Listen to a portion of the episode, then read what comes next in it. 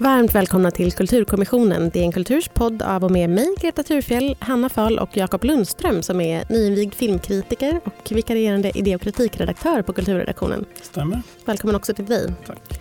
Idag ska vi prata om en annan podd, nämligen Radiolabs miniserie In the Know. Mm, jag tänkte väldigt mycket på en eh, novell som heter Cat Person som var otroligt viral förra vintern när jag lyssnade på den här miniserien så det är jag intresserad av att ta upp. Mm, jag tänkte på de här skillnaderna, eller olikheterna och likheterna mellan eh, metoo och Prata om det som ju var en svensk kampanj för några år sedan. Själv tänkte jag ta upp att eh, gråskalorna i podden också liksom letade sig in i mig och gjorde mig osäker på vad jag egentligen kände för huvudpersonen i podden.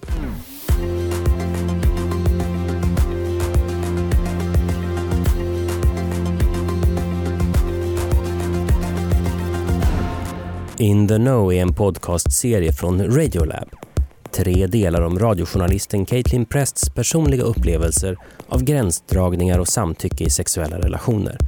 I In the Know blandas Caitlin Prests berättelser med intervjuer med akademiker, collegeungdomar och BDSM-utövare. Det handlar bland annat om hur metoo har förändrat synen på samtycke hos unga.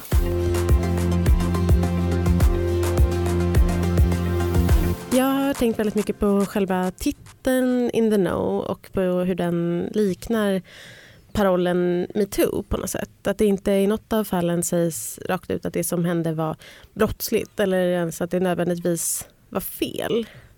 Att det bara var, det var bara en sak som hände eller ett nej som hände eller någonting som man blev utsatt för. Och In the Know tycker jag också antyder att det finns en sorts gråskala i just ordet nej att det finns saker som man kan utforska inuti det som, som man annars ser som väldigt rakt. Så, vad, vad, hur tycker ni att gråskalorna hanterades i, i In the Know? Jag tycker att det var det som var fantastiskt med den här miniserien. Att just att sättet som gråskalorna eh, tydliggjordes och behandlades på ett liksom inte fegt eller återhållsamt sätt utan ett väldigt varsamt sätt och noggrant sätt som eh, var lite omskakande. Och då tänker jag främst på de delarna av den här miniserien som är Caitlin Prests eh, eh, bitar. Mm. Hon angriper det här på ett så fantastiskt sätt som jag nästan inte har sett eh, liksom, göras förut. Hon offrar ju väldigt mycket av sitt eget, sig själv i det här och sitt eget privatliv och äh, även andra skulle man väl kanske kunna tycka. Men, äh, men jag tycker hon lyckas på ett helt fenomenalt vis just med liksom, skildringarna gråskala. Vad tycker du Jakob? Jo, men alltså, jag tänkte på det också. Att den stora delar spelades in innan metoo om jag fattar det rätt. Mm. Och det känns som att metoo har väl också den diskussionen eller de uppropen som det började med också vidgats till att handla om mycket mer just gråskalor. Det började med ja, men själva uppropet jag också, jag har också blivit utsatt betyder det väl ändå mm. eh, indirekt. Eller, eh, Medan det här med gråskalan så blir det mycket mer komplicerat och kanske inte nödvändigtvis mer intressant men det påminner lite mer om den här, jag tänker på den här svenska prata om det-kampanjen som ju var fem Verkligen. år sedan kanske. Tio typ? Ännu längre sedan. Okay. Fem till tio år sedan. Fem till tio år sedan som jag mindes som på ett annat sätt, eller i alla fall ingången i den diskussionen där jag kände mig kanske mer för metoo är det mer, oj, jag, har jag varit en förövare? Alltså det blir ju väldigt eh, olustigt så att säga. Prata om det blir ju lite mer då vågar man kanske lite mer ställa sig den frågan eller då vill man ju prata om det själv för då kanske man själv har varit med om någonting som heterosexuell man så finns det inte riktigt något självklart eller kanske dumt att hoppa på metoo. Jo, jag tror nog också att jag har eh, varit med om någon situation där jag inte kände mig helt hundra på vad jag ville eller sådär. Men eh, så att den här programmet täcker in mer Alltså mer av de här gråskalorna som ni pratar om. Mm. Och det som jag tycker är så bra också att det finns ett tillfälle där det är någon, någon som säger ordet rape. Ordet rape dyker inte upp förrän i kanske tredje avsnittet och, och sista avsnittet och då, och då, säger hon genast så här, det är inte det vi pratar om. Nej. Det är inte det det handlar om. Det är, jag anklagar ingen för att ha våldtagit mig i, det här, i den här situationen. Det är verkligen inte det som, som står på spel här. Att någon ska liksom bli dömd eller att någon ska bli uthängd som våldtäktsman. Utan det är, det är någonting annat. Det är någonting som är mycket mer så här, som, som är mellan människor snarare än någonting som någon utsätts för. Mm. Så. Mm, precis, det, ja, precis, det är ju någon sorts problematiserande av en mänsklig kommunikation och interaktion där det inte nödvändigtvis måste finnas någon som gör något mot någon annan utan det är liksom ett, ett fel eller en, liksom något som går snett i det mellanmänskliga mötet på något mm. vis. Det är det det försöker sätta mm. fingret på. Precis, mm. och att det nödvändigtvis inte är någons fel eller kanske att det är bådas fel att det händer och i varierande grad bådas fel kan man ju säga då när man lyssnar på mycket av det som hon pratar om och mycket av det som tas upp. Men, men att det ändå inte, det handlar inte så mycket om att anklaga någon för något utan mer om att så här, men vi måste väl kunna prata om det här när det uppenbarligen är en jättestor del av både män och kvinnors liv. Mm. Nej, men det är det som är intressant med det här. För att, nej, det, det här är inte en diskussion. Det här, de här diskussionerna om hur liksom, sex går snett handlar kanske inte eh, nödvändigtvis om att någon gör någonting mot någon annan eller någon sorts liksom, våldssituation. Men strukturen i det är ju ändå att det nästan alltid är kvinnor som far illa av det medan mm. männen utsätter dem för någonting som de kanske inte själva är medvetna om att de gör. Alltså det finns en strukturell liksom, könsmaktsordning i det här som gör det intressant att prata om även om det kanske inte handlar om att kasta skuld sådär, på någon enskild individ. Verkligen. verkligen. Jag, jag, blev nyfiken på det för hon pratade precis i, i eh, början och även i Eh, den eh, podd som den här podden är baserad på kan man säga. Den är ursprungligen en annan sorts, eh, en, en annan serie i en annan bra podcast som heter The Heart.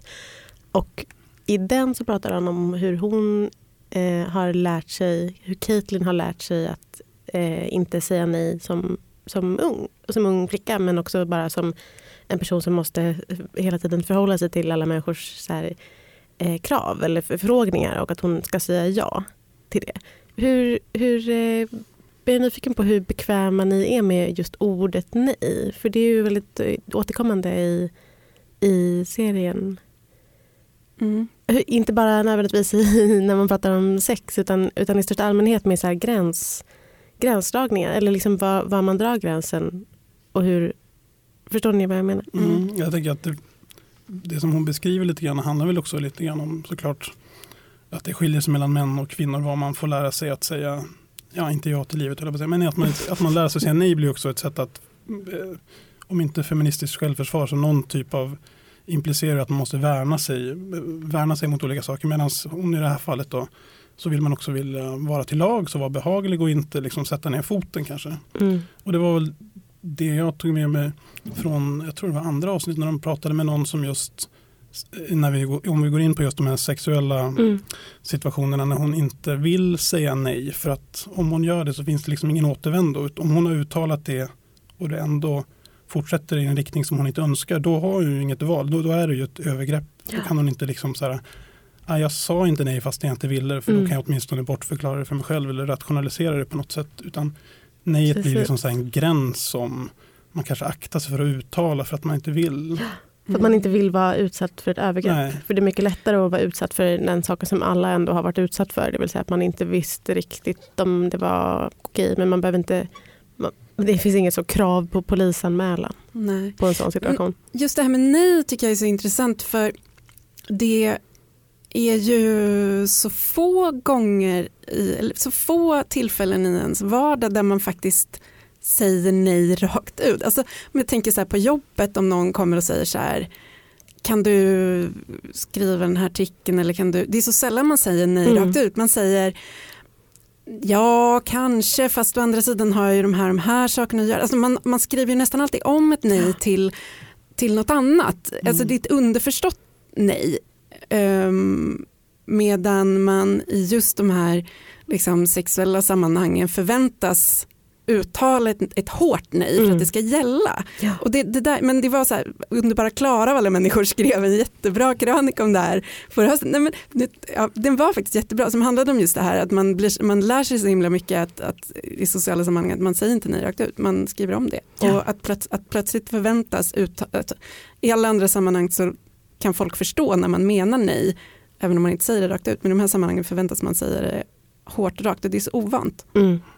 Verkligen. Det, det var väl ett exempel i och för sig, de pratade just om om man kan lära sig något och sen var väl det lite tvetydigt hur pass väl integrerat eller utvecklat det här var med just nej-sägandet och gränserna. Men de tar ju upp BDSM-världen, att där finns det ju ändå koder eller nästan regelverk för hur man ska bete sig. Att där är det mycket mer kontraktsliknande överenskommelser för att innan man ska gå in då på olika eh, sexuella liksom, lekar som har att göra med dominans eller mm. våld till och med. Liksom. Och då eh, tänkte jag också på det här med relationsanarki som var på tapeten, det kanske är fortfarande, men jag kommer ihåg att jag läste om Väldigt det. Väldigt trendigt för några år sedan. Precis, jag läste det för några år sedan. Då pratade de om, också om det här kanske mycket mer tydligt att nu, men nu måste vi, alla ska vara med på samma sak för att det ska finnas någon typ av eh, jämlikhet eller jämbördighet och sådär, men att det också såklart finns baksidor med eh, den så kallade då radikala ärlighet som man kanske då praktiserar i sådana sammanhang där det handlar om jag ska inte säga kanske bara för att vara snäll utan jag säger nej eller vad jag nu tänker göra eller vad nu Eh, handlar om och vilket då såklart det radikala i det kan ju också vara väldigt hänsynslöst. Så den liksom så här, mm. det spektrat från att aldrig vilja säga nej för att inte såra någon och att för att slippa missförstånd så är jag radikalt ärlig mot dig, vilket kanske också sårar dig på andra sätt.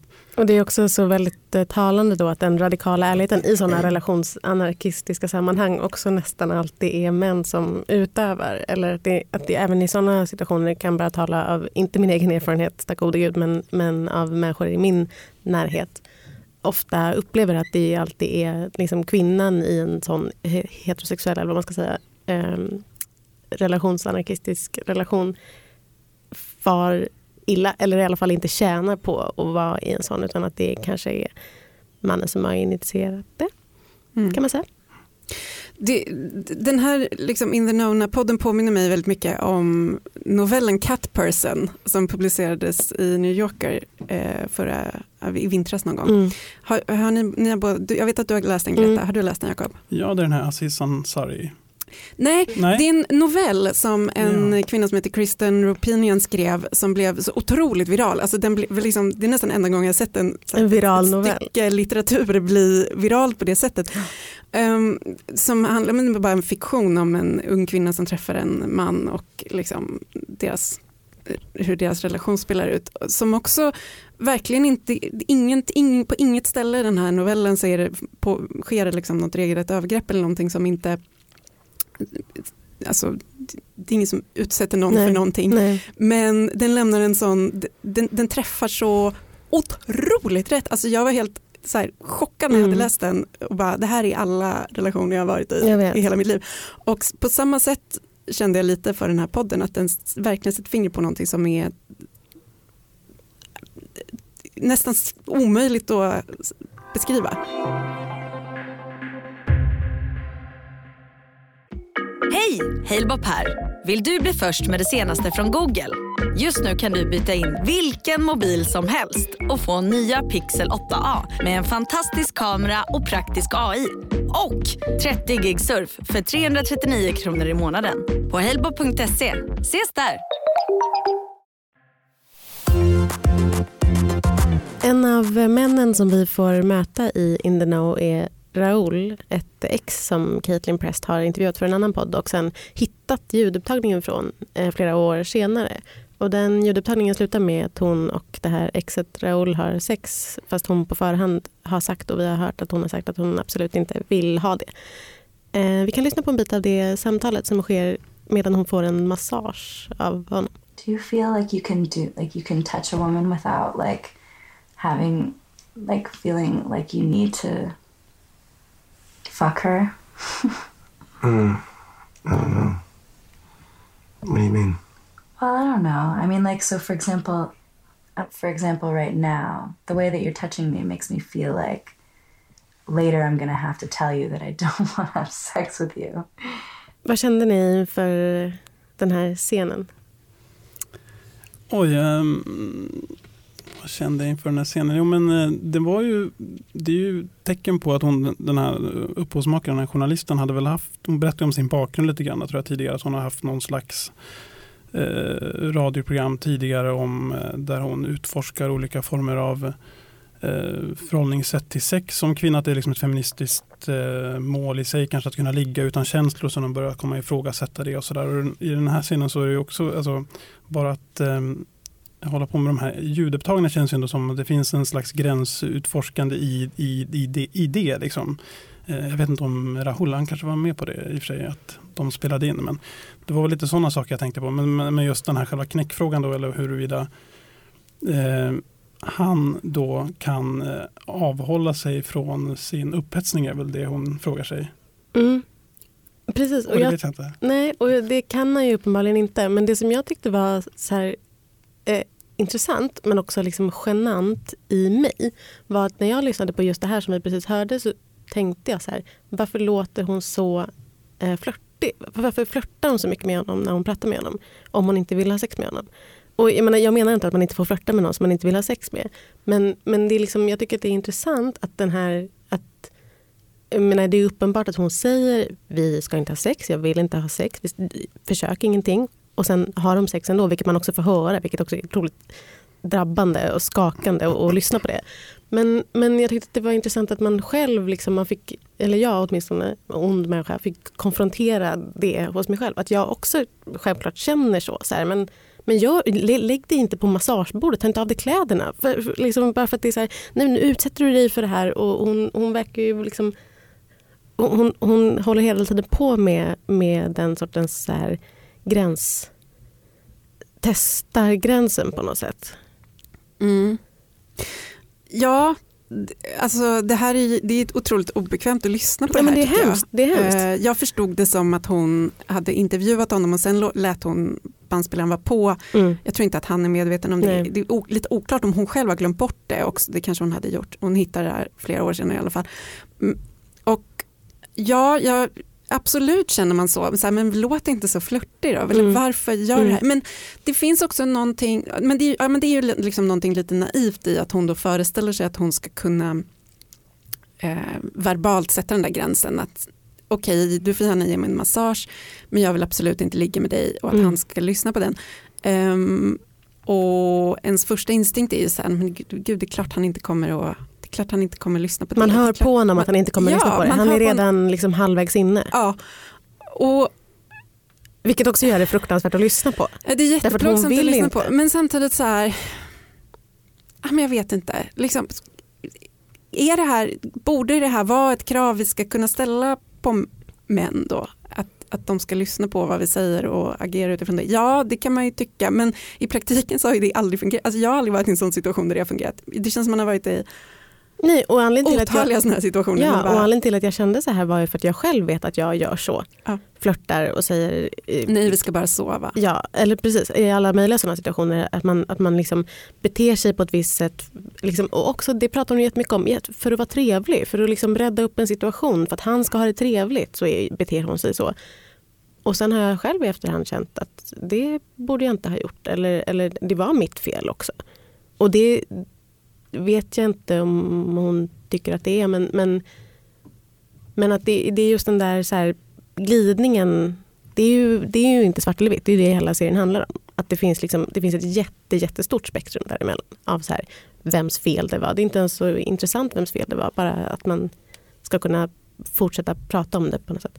Det finns också en återknytning till det här med nej-sägandet som vi pratade om förut. För hon spelar väl upp det här för någon kompis som bekräftar att hon låter som att hon menar ja när mm. hon säger nej. Mm. Du säger nej på ett väldigt förföriskt sätt då eller något, säger ja. hennes kompis. Att, eh, det, och hon låter som att hon säger, hon säger nej men det låter som att hon säger något annat fast egentligen gör hon inte det. Hur, hur uppstår den liksom, dissonansen i avsikt, uttal och hur många roller mm. man ska spela samtidigt och vad, vad är det man vill egentligen och vad, hur borde man bete sig. Alltså alla de sakerna som går in så mycket i varandra just den scenen. Mm. En annan man som, som medverkar är Jay, eh, Caitlins vän sedan många år tillbaka som en kväll när de har druckit börjar eh, hångla med henne och hon säger åt honom att han ska ta det lugnt flera gånger och sen så blir han sur och vi får höra en sorts eh, eh, teateruppspelning av det här samtalet som hon minns det. Eh, till slut så det slutar med att de onanerar tillsammans och sen så låter hon liksom vänskapen rinna ut i sanden efter det flera år senare sen så intervjuar hon honom till den här podden. Vi kan lyssna på hur han eh, låter då också. How bad do I have to feel one thing is like parsing out where I end and like all the other terrible dudes in the world begin, which is a, a frustrating thing for a young man to, to deal with. Fuck, man. Also, like, haven't I done my time? Like, do I really have to feel like I I haven't gotten to talk to you for years now because of it? Like, how much guilt do I really have to have? Här kände jag otroligt mycket att eh, jag eh, hatade mig själv för att jag hade tyckt att det var hennes fel i situationen med Raoul. Jag gjorde en sån helomvändning i mig själv för att jag kände verkligen hur eh, skrämd jag blev av tonen i den här mannens röst. Mm. För jag kände igen den jättemycket också. Mm. Det här är ju... Eh, alltså, den här scenen då som hon spelar upp med, tillsammans med en skådespelare för att eh, liksom visa hur det gick till under den här sekvensen. Hon och Jay har varit vänner i åratal, de är jättenära varandra. Hon har varit lite hemligt förälskad i honom förstår man ju också, Mm. eller intresserad av Mm. honom. Och när det här till slut händer så känner hon glädje för att hon gillar honom. Men han börjar naturligtvis såklart pusha på att liksom, det ska hända mer. Mm. Och hon säger nej. Och, nej men det, här är en, det här är en sån fruktansvärd situation. Och hans, nej men hans tonfall här, är- jag vill, alltså jag, jag vill slå honom på käften. F- Nej, alltså, men det är så hemskt. Och det, jag tycker det, det är nästan ännu hemskare att hon i podden förklarar bort det så mycket. Eller att hon säger så här, det är så underbart att prata med honom igen. Det är min vän. Jag är inte alls rädd längre för det här är min kompis. Jag känner honom. Men som lyssnare känner man känner inte honom. Man tycker att han är helt liksom, vär, vilken värdelös vän som säger så här. Det var jättemånga år sedan, det var ett misstag. Jag är så ledsen för det, verkligen. Och sen vill att hon ska liksom glömma bort det. Hur mycket, hur mycket skuld behöver jag känna? Ja, men lite grann. Du har inte, uppenbarligen inte känt någon. För då skulle du inte prata om det på det här sättet. hur, hur känner du för det här Jakob? Och sen liksom huruvida det, mycket det handlar om just skuldfrågan eller hur du lätt hamnar i det. Som metoo implicerar ju också en, ja, en offer och ett Mm. offer och en förövare. Mm. Liksom här då såklart eh, erkänner väl han själv då även med, med eh, ett visst eh, bitskt tonfall att det, han, han har gjort någonting Mm. fel. Men han vill inte känna skuld för det. Eller han, och försöker då istället få henne att känna skuld för att hon liksom kommer dragandes med det här gamla. Men det blir ju också kanske tecken på hur man lätt fastnar i den liksom så här, eh, ja, men offer förövare Mm. situation. Alltså Mm. nu, visst, i, i den här sekvensen då, som, som man får höra tidigare rekonstruerad så, så är det ju tydligt att han eh, går över en gräns. Liksom. Men det här att han inte kan ta till sig det verkar också vara en sån hang-up vid typ att han inte känner dels det var ingen våldtäkt, det var inte så farligt, bla bla bla. Visst, att han inte eh, tid, han är inte mottaglig för den rollen liksom, som han känner att han måste ta för att kunna prata om istället för att prata om hur, hur ja, vad tråkigt att det var att du upplevde det så och att jag fick det att känna så istället för att säga men så mycket skurk är jag inte. Är Mm. liksom hans enda Ja, men, och jag förstår att man hamnar i den situationen samtidigt. Det är klart att det är hemskt att bli anklagad för ett sånt. För han, han upplever det som att han blir anklagad för ett övergrepp. Och, och vad fan ska man göra åt det? Och det, är ju, det är ju extremt obehagligt. För det är ju ingen kille som vill vara en våldtäktsman. Det är ju inte det hon säger, men det är så han hör det. För det är så man alltid är beredd att läsa en situation där någon säger så här, jag är ledsen för det här. Det, det finns någonting otroligt hopplöst tycker jag i den kognitiva dissonansen som är att väldigt många män, inte alla män, men väldigt många män är medvet, är, upplever sig själva som medvetna om, om strukturer, de upplever sig medvetna om hur man ska agera i liksom, intima situationer, de tycker att samtycke är viktigt. Men i- det, det är liksom någonting som bara inte klickar i huvudet som gör att man kan förstå sin egen liksom, privata roll i Mm. De här strukturerna. Alltså, så, många, alltså, så många killar man har träffat i sin dag som är woke-feminister och eh, som beter sig på, alltså jag kan inte räkna gångerna jag har varit i liknande situationer som de här som spelas upp i Caitlin Prests eh, ehm, radioprogram. Det är, men, men det finns någonting, liksom, någonting som känns väldigt hopplöst i det. Att så här, nej, det är klart att ingen vill se sin egen roll i, för det är för svårt. Det är för, för plågsamt och det är för... Jag vet inte. Jag vet inte.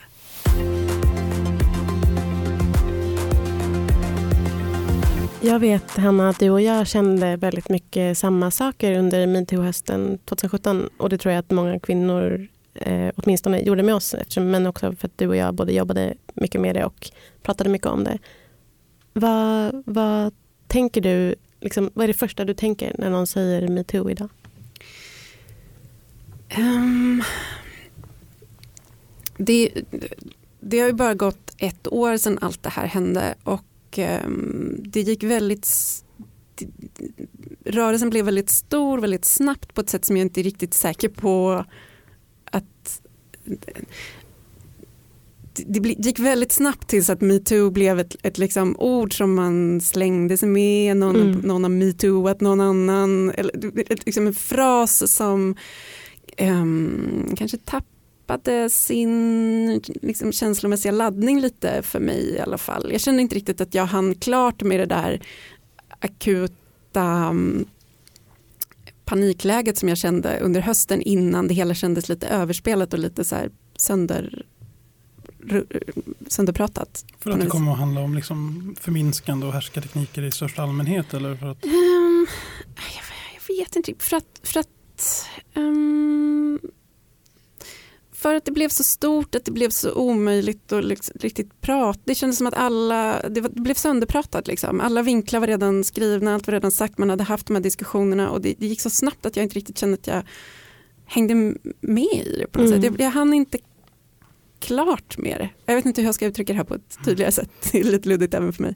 Men jag tror just för att det både blev så, liksom, det växte så lavinartat både i vad, vad begreppet involverade eller innefattade och också hur många som hade eh, upplevt det och hur fler och fler som hade upplevt det i takt med att det växte på något sätt. Vilket i och för sig tror jag, jag skrev mycket om det då, jag skrev om det i samband med just det där som du pratade om Jakob med Aziz Ansari, komikern som blev anklagad för en typisk in the know upplevelse kan man säga. Mm.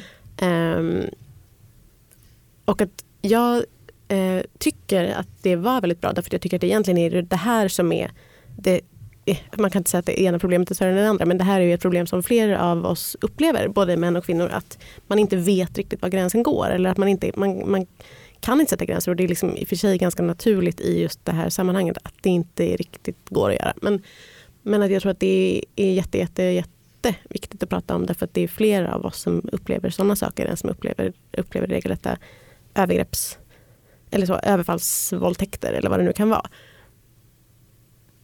Mm. Men jag, Jakob, hur pratar du och dina kompisar om det? Men först tänkte jag på det som de pratade om i som kanske inte är ett sätt som jag och mina kompisar pratar om det, men som eh, när de intervjuar i den här podden då, några collegeungdomar tror jag, mm. manliga, och de lite grann skämtar om så här, måste man nu ha kameran, måste man mobilkamerafilma sitt hångel nu för att visa att båda var med på det. Liksom den här, och sen finns också en diskussion om att ska man vara rädd för att eh, närma sig någon för att eventuellt bli då eh, uthängd som, eh, jag vet inte hur, hur, hur tankesprånget gick där riktigt, mm. men i alla fall den här, är det bra att vara rädd för att göra någon annan illa liksom? Är det en bra utgångspunkt? Och så, ja, då diskuterar de lite fram och tillbaka i programmet. Ja, kanske om man inte någonsin har tänkt på det så kan det ju vara liksom en väckarklocka hela den här uppståndelsen kring det här. Sen vet jag inte om eh, jag och mina eh, manliga vänner kanske har liksom pratat, eh, jag vet inte vad, vad det är tecken på, men att hela det här situation, med den mediala situationen som det har varit. Det har ju både varit ett spektakel och ett skådespel och många olika former av konflikter och, och diskussioner kring uthängningar. Inte bara liksom publicistiska diskussioner utan eh, hur man då när en manlig profil ska eventuellt benådas eller inte och vilka det är som möjliggör detta. Alltså den typen av så här, hur lätt är att komma undan till slut. Det är ju det finns en, eh, en kulturprofil som eh, är i en rättegångsprocess. Men annars är det så att någon har blivit av med en krönikeplats. Annars, eh, det händer ju inte så jättemycket samtidigt heller. Och det, hur, det, den sen, hur detta bara går, glider undan och sen så händer det inte så mycket i alla fall och sen så är det glömt om ett Alltså den typen av diskussioner som också kanske är en form av hopplöshet och att i slutändan så kanske de ändå eh, kommer undan eller går vidare lätt. Jag tänker att det är jättesvårt. Jag tror att det kanske är svårt, extra svårt för oss att se på det med liksom en, en, eh, en blick som inte är präglad av att vi har jobbat så mycket med det. Mm. För, att, för att i vår bransch, men också i den bransch som vi bevakar, så har det varit så mycket metoo, har metoo varit så mycket arbete. Mm. och så mycket en del av jobbet. Nu ska vi ta tag i det här och nu ska vi ta tag i det här. Att jag i alla fall ganska lätt glömmer att det också var så här en kvinnorörelse, en, en folkrörelse. Som, som också innefattade jättemycket folk som inte har en krönikeplats eller som inte har en, eh, liksom, blir utsatt på sin arbetsplats som är eh, offentlig, som kan hända i tv eller som kan hända på en redaktion. Så det, Mm. men men det var därför jag var lite nyfiken på också hur, hur man pratar om det privat, i sina privata relationer. När man inte pratar om kulturprofilen utan Mm. pratar om, om sina egna upplevelser av det. Jag, jag tror det, det har lite att göra med det här som jag nämnde tidigare. Alltså här, dels att metoo kanske började just som så här, vem är förövare och vem, vem är svinet som har gjort fel och som ska hängas ut liksom, till slut. Ehm, så jag har kanske, det har vi kanske nu kanske diskussioner med sådana här eh, miniserier till exempel och så kanske det knyter an mer till de här gråzonerna. Man kanske känner sig mer bekväm eller öppen eller kan börja reflektera mer. Inte om det finns någon sån bromskloss i, i mäns medvetande kring att ingen identifierar sig som förövare. Men sen när man börjar prata om det som den här kampanjen då, när den nu skedde, Mm. eh, som ju var mycket mer eh, direkt. Kanske också att den tyckte vissa då blev eh, approprierad av män, att de började prata om hur jobbigt det var för dem när det kanske grundproblemet låg någon annanstans. Men, Eh, men ja, nej, jag har inte haft någon som mans, jo, jag har, nog diskut, jag, vet inte om jag, har haft någon, jag har inte ordnat en mansmiddag som, som har varit på modet, men jag har ändå haft middagar med män där vi såklart har pratat om de här sakerna. Jag vet inte, det kanske är min så här, mitt nya perspektiv som pappafeminist som gör att jag liksom tänker att jag har en helt annat ansvar, en helt annan roll i den här diskussionen. För jag tycker det var jätteintressant som du pratade om det där med, med hur eh, om, man, om killar ska gå runt och vara rädda. Och det finns ju dels invändningen att så här, ja, men tjejer går ju alltid runt och är rädda så varför kan inte killar också äntligen få bli det då? Samtidigt som det är så här, men det är ju, det, så ska man väl inte ha sex? Eller det är också någonting deppigt med att i hela In the Know och i hela metoo, man förstår ju att de är liksom som motvikt till att folk typ har jättemycket bra sex och att det, inte, att det kan också kan vara helt problemfritt och någonting som bara är kul. Men man vill ju inte att flera människor och flera kön ska gå runt och vara rädda för att ha sex och oroa sig jättemycket för hur ska den här situationen komma och bli i efterhand. Det är klart man, man gör det, kvinnor gör det och kanske fler och fler män gör det också som har eh, sex med det motsatta könet. Men, men, men det är också någonting som är så sorgligt med det, att fler och fler ska gå runt och tycka att det är en jobbig ångestgrej att ha sex. Ja, men det finns ju någonting också som är som vi pratade om förut det här att, som, att man kanske inte säger nej för när man väl har sagt nej då har man själv liksom gått över gränsen där, där det som man därefter händer kan identifieras som ett övergrepp. Alltså, kvinnor är också ovilliga att acceptera att sex är liksom skit Mm, ibland. Alltså mm. kvinnor är också ovilliga att acceptera den här liksom, det, det jobbiga liksom, lidandet som kan komma med sex. Alla vill ju egentligen att storyn ska vara sen hade vi sex och det var kul. Alltså, Mm. det, är ju, dit vill ju, det är ingen som vill att det ska vara hemskt att ligga med någon. Eller liksom, det, är ju- det är ju ändå det gemensamma målet som man kan sträva efter. Jag tror ändå att man kanske måste se det som att alla är är på samma Men det är så sorgligt bara sak. att det ska vara så att sex som ju är objektivt det roligaste som finns också ska vara typ det värsta som finns. Men det kanske är, oundvikligt att det är så. Vi går eh, rakt på veckans bästa meningar den här veckan. Jakob, jag tänkte att du som är gäst kan få börja med att läsa upp din eh, mening som du har tagit med dig hit.